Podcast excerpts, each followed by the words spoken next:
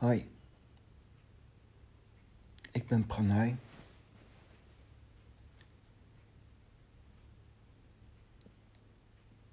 In het tarotspel, Zen tarotspel van Osho, is een kaart en die heet The Burden. En ik speel vaak dat Centero.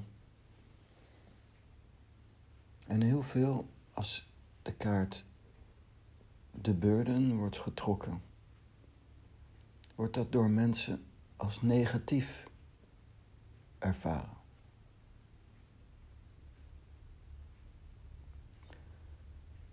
Maar als je pinpointing doet op de leer, dan is het negatieve niet negatief. De burden is de last. Getrokken naar je eigen persoon zie je dat als een soort onheilsteken.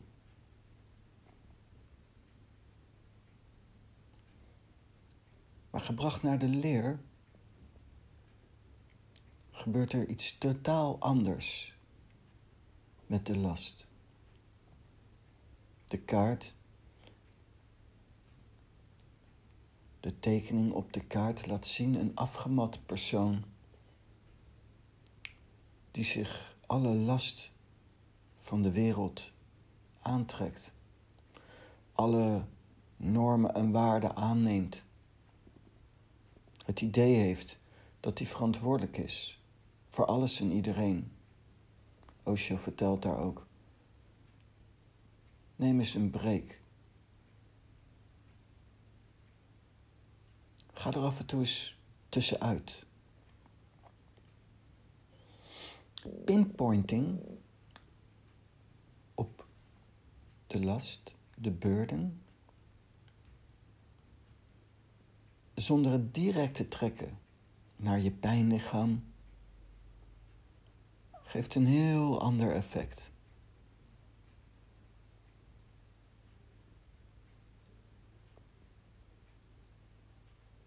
De dijk zingt, ze doen toch wat ze willen. Al zou de hele boel vergaan. Dus lief, trek iets moois aan, want dan gaan we dansen. Een mooi nummer en een mooie tekst, die ik zelf al jarenlang gebruik.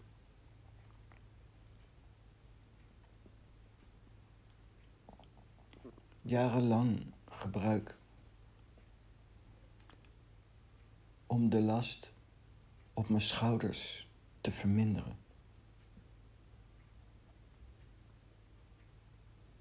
Ze doen toch wat ze willen. Dan kan je mee naar het negatieve gaan.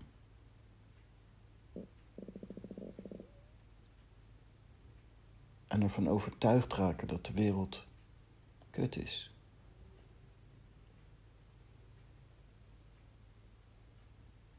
En tegelijkertijd,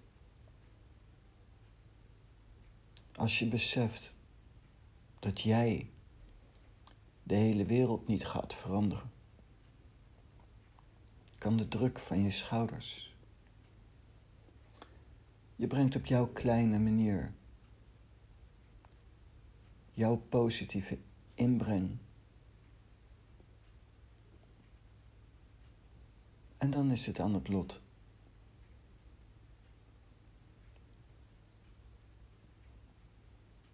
Het is eigenlijk een heel mooi gegeven.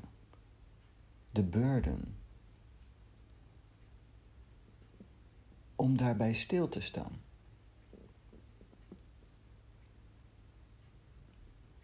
Wat zal men er wel niet van vinden? En hoeveel mensen leven niet naar wat ze werkelijk zouden willen leven, omdat ze bang zijn? Wat men ervan vindt. Omdat het sociaal bijvoorbeeld niet geaccepteerd wordt. Ik denk aan homo. Ik denk aan lesbisch, transgenders, maar ook voor mij aan mensen die meditatief zijn. En meditatief zijn wordt gezien als passief zijn. En het wordt als uiterst negatief ervaren door veel mensen. Maar terug voor mij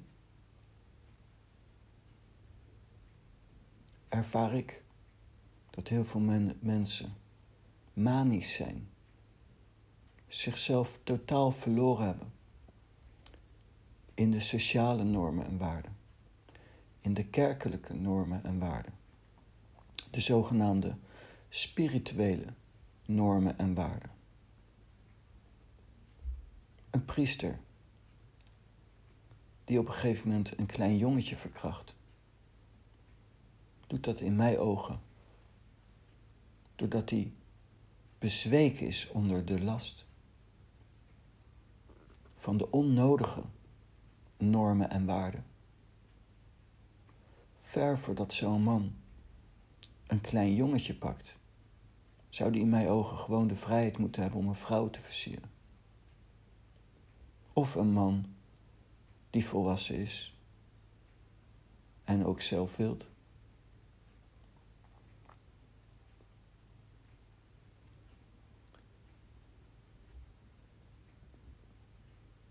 Ik heb ooit eens een vrouw behandeld in mijn praktijk. Ik ben shiatsu therapeut. En die was over de 70. En zij had gordelroos in haar gezicht. En ik ben een holistisch genezen. En ik zag de storing zitten, de energetische storing zitten die de gordelroos veroorzaakte.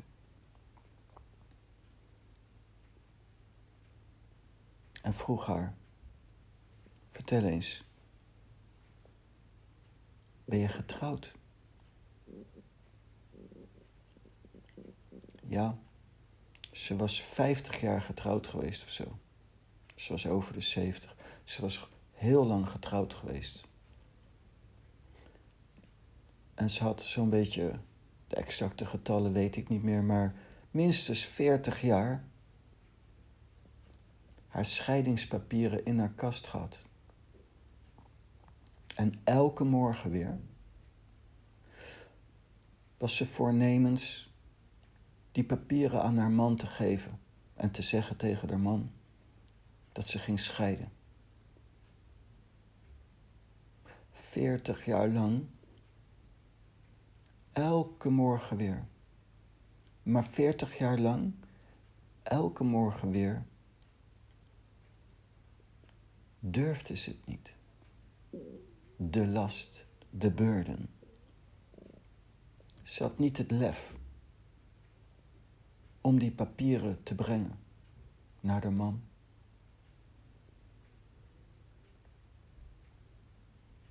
Ergens halverwege of eind zeventig overleed de man. En toen was ze bevrijd van de burden. De stress kwam eruit en gaf haar gordelroos in haar gezicht. Diep triest voor haar en haar man. Moet je eens voorstellen dat je 40 jaar getrouwd bent en je beseft niet dat vrouwlief eigenlijk helemaal niet met jou getrouwd wil zijn. En omdat we last hebben van de burden, zijn we onzeker. Onzeker over elkaar, over elkaars intenties. Omdat we eigenlijk al lang incalculeren dat bijna niemand het lef heeft om gewoon te zeggen waar het op staat. Want dat kan niet, dat mag niet, dat is niet beschaafd, niet sociaal netjes.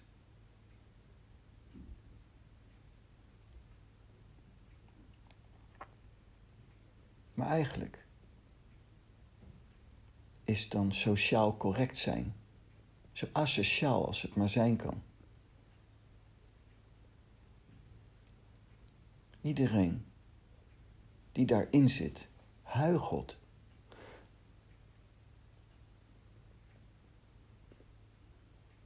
Je pleegt verraad aan jezelf, aan je eigen hart. En je eigen waarde. Maar je bestodemiet het ook de ander, die een andere jij te zien krijgt. En iedereen raakt onzeker. Weet niet wat je aan een ander hebt. De beurden, bewust worden van de beurden, kan een enorme vrijheid geven.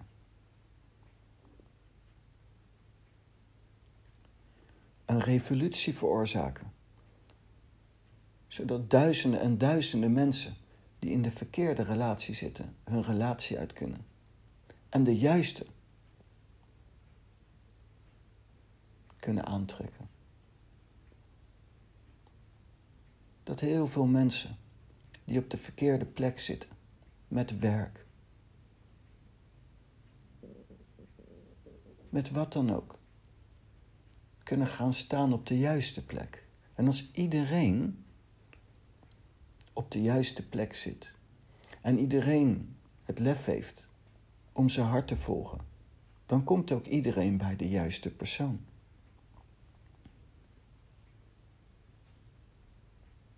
We zijn onderling met elkaar verbonden. Dus het geeft een enorme kettingreactie. Als ik met de verkeerde getrouwd ben, dan hou ik, onthoud ik iemand anders van mijn vrouw.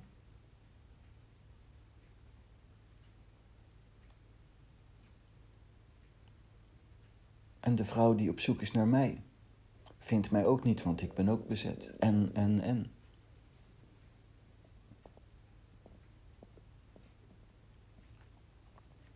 Jarenlang was op televisie een spelletje. En die heet Wie ben ik? En dan zit een panel, zit daar, die drukt op een knop. En dan komt er een bordje uit met iemand. De persoon zelf ziet niet welke naam erop staat. En die moet vragen gaan stellen. Ben ik een man? Ben ik een vrouw? Om zo zit ik in de showbusiness. Om zo erachter te komen, wie ben ik?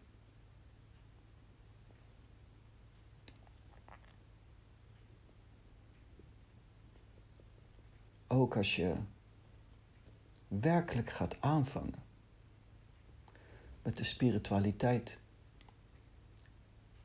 Heel veel meesters zeggen dan ga je je afvragen: wie ben ik? Door de jaren heen is me altijd opgevallen dat heel veel mensen bij wie ben ik niet verder komen dan ja, ik ben God. Punt. Maar in mijn ogen is dat te simpel. Dat is niet de taal. Dat is niet tantrisch. Wie ben ik als je in je element wilt komen? In de taal zeggen ze niet heb je een of andere begaafdheid gekregen? Heb je niet een of ander moeilijke yoga-oefening gedaan? Maar als iemand een soort wonder verricht, vragen ze: Heb jij de taal gevonden? Het onbewerkte hout. Gewoon zijn zoals je bent. Heb je gevonden wie jij bent? Vragen ze eigenlijk. Wie ben ik?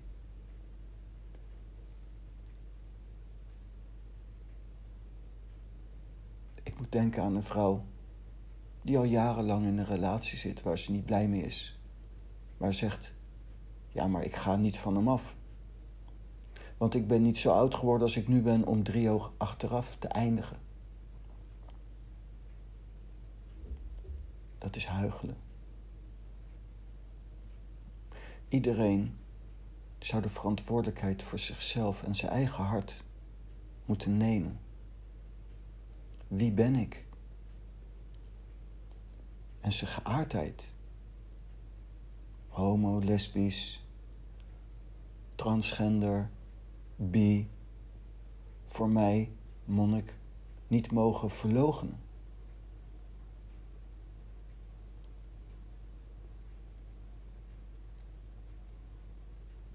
Als je in een bakker werkt, maar je wilt liever bij de slager werken, moet je je ontslag nemen.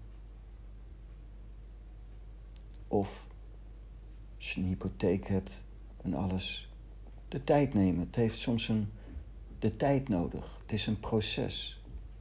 En rustig gaan kijken hoe je de overstap kunt maken.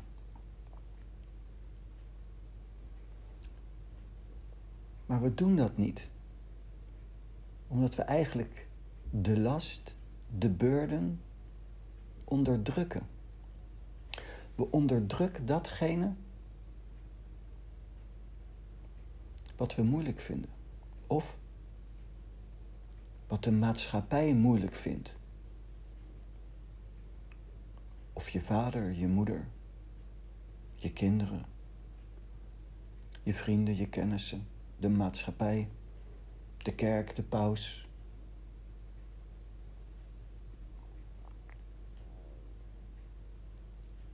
Maar ik geloof dat God groter is dan een instantie. En dat hij spreekt via de harten van de mensen. En dat we de durf moeten krijgen om het avontuur van het leven in te lopen, in te gaan. Door gewoon ons hart te volgen, stap voor stap. Heel veel treden zijn tijdelijk. Omdat treden tijdelijk zijn, zijn die treden niet fout. Het is een avontuur, een reis, dit leven, een avontuur.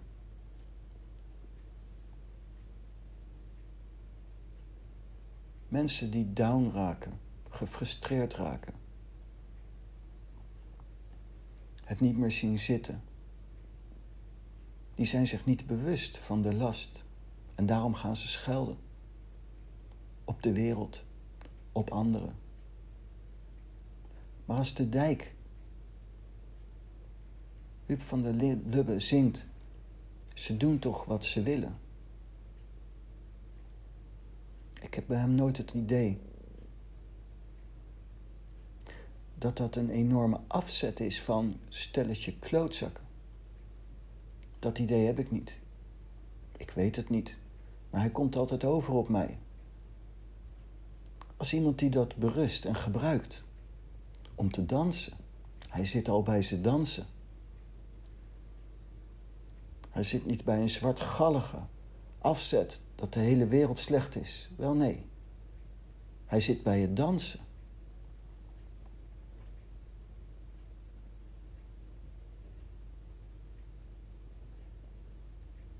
Op de vulkaan. Zo mooi voor mij, de vulkaan. Een vulkaan is een onzekere factor. Een onzekere factor. Een vulkaan kan elk moment actief worden.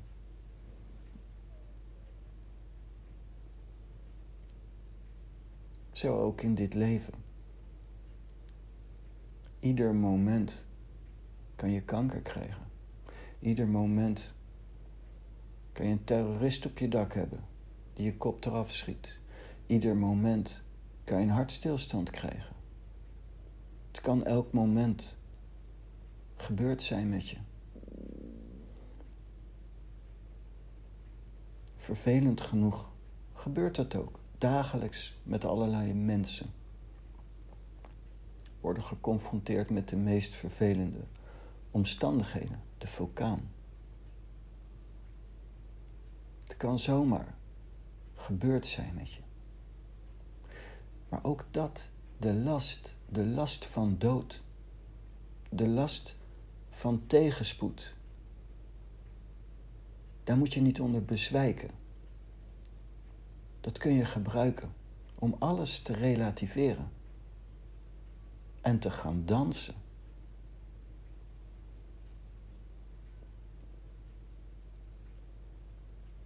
Toen Osha overleed en ook bij anderen zongen ze Universe is singing a song.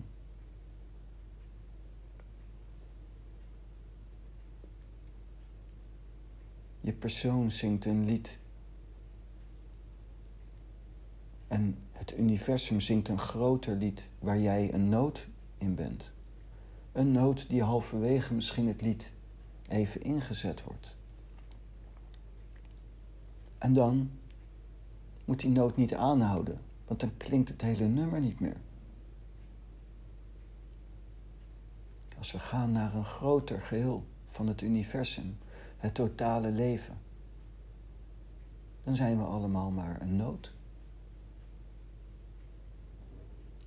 Dat is niet omdat we fout zijn. Dat is omdat we samen een heel mooi muziekstuk maken. Maar er kan niet een noot zijn die zegt: Ik ga het hele nummer aanhouden. Ik blijf.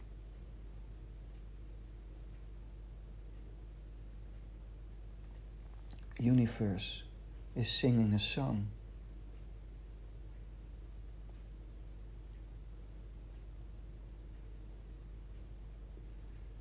De betrekkelijkheid van het leven kan je helpen om vrij te zijn en te doen wat je wilt. Net zoals heel veel mensen doen. Ze doen toch wat ze willen. Maar duik daar niet te veel in. Loop over de modder. Ja, dat is waar. Ze doen toch wat ze willen. Dus kom, lief. Kom. In mijn geval trek je kleding uit. Want dan gaan we dansen. Bloot. Naakt vrij.